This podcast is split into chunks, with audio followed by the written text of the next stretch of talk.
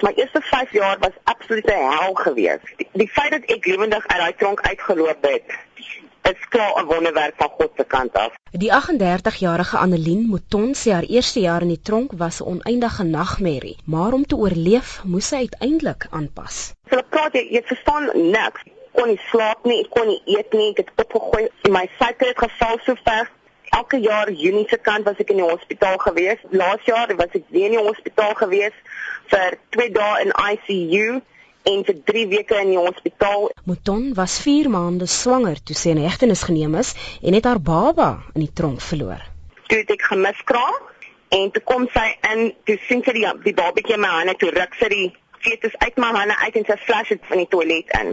En sy begin op my te skree en sy staan toe die deur toe en sy gaan toe uit. Toe kom daar 'n polisieman na my toe en sê vir my dis beter dat jy niks sê nie, dis beter jy bly net stil en dit gaan ons jou 'n uh, moordsaak gee. Mouton sê behalwe die geweld en die feit dat sy nie die taal van die bewaarders kon verstaan nie, voel sy haar vroulikheid is veral geskenk. Hulle gee vir jou net so klein stukkie seep baie klein stukkie seep. Nou moet jy jou jou boude was met daai stuk seep van die toilet toe gaan. Jy moet jou hare was met daai seep, jou lyf was met daai seep en jou klere. En die seepie is omtrent so iets soos 5 cm by dikte van nie eens 2 cm nie. Die eerste 5 jaar, dit is hoe die tronk was. Dit was verskriklik geweest. As jy jou maandstonde het, Kotex bestaan nie. Tampons, Kotex, dit bestaan nie in die tronk nie. Sy sê dit is skendings soos die wat haar aangespoor het om vir haar en die ander gevangenes se regte in die tronk op te staan. Die Suid-Afrikaanse ambassade het wanneer hulle kom om ons klagtes te hoor, dan sê hulle hulle kan niks doen nie. Ons human rights word geen vriend nie, maar hulle kan niks doen nie. As hulle ons gesearch word, moet jy jou skaalgat uittrek.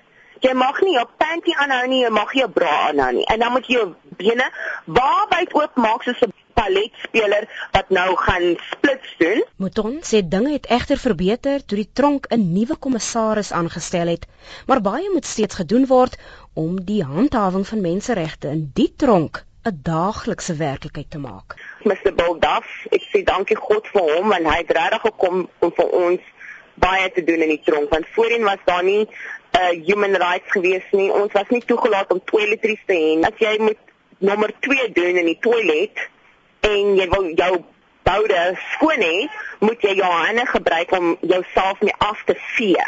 Dit was egter te danke aan haar pa dat sy die nodige kennis en inligting oor menseregte kon bekom. My pa het my betaal vir my law studies en ek het begin uitvind wat is ons human rights en ek het dit begin uit voor hulle koppe gooi.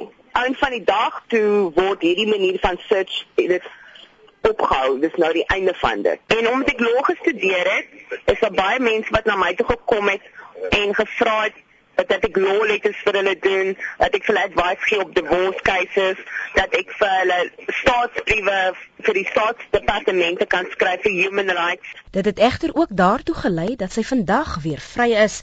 Sy maan ook teen die vervoer van dwelms. Moet dit nie doen nie. Jy speel met jou lewe. Jy speel met die lewe van jou familie. Ek sien net jy wat gaan suffer as jy gevang word nie. Jou familie gaan suffer. Jy gaan 'n decoy wees. Jy gaan nie weer customs kom nie en jy gaan die een wees wat gaan gevang word en jy gaan en die straf is nou heavy, dis 45 jaar. Mouton wat ook amper 'n slagoffer van verkrachting was, sê sy wil ook nou op eie bodem as 'n vegter vir menseregte dien en veral die land se tronke teiken. Sy sê haar grootste droom is om jong meisies oor hul regte op te voed en ook oor die gevare van die dwelmwêreld. Ek spreek Shafasagi in Johannesburg.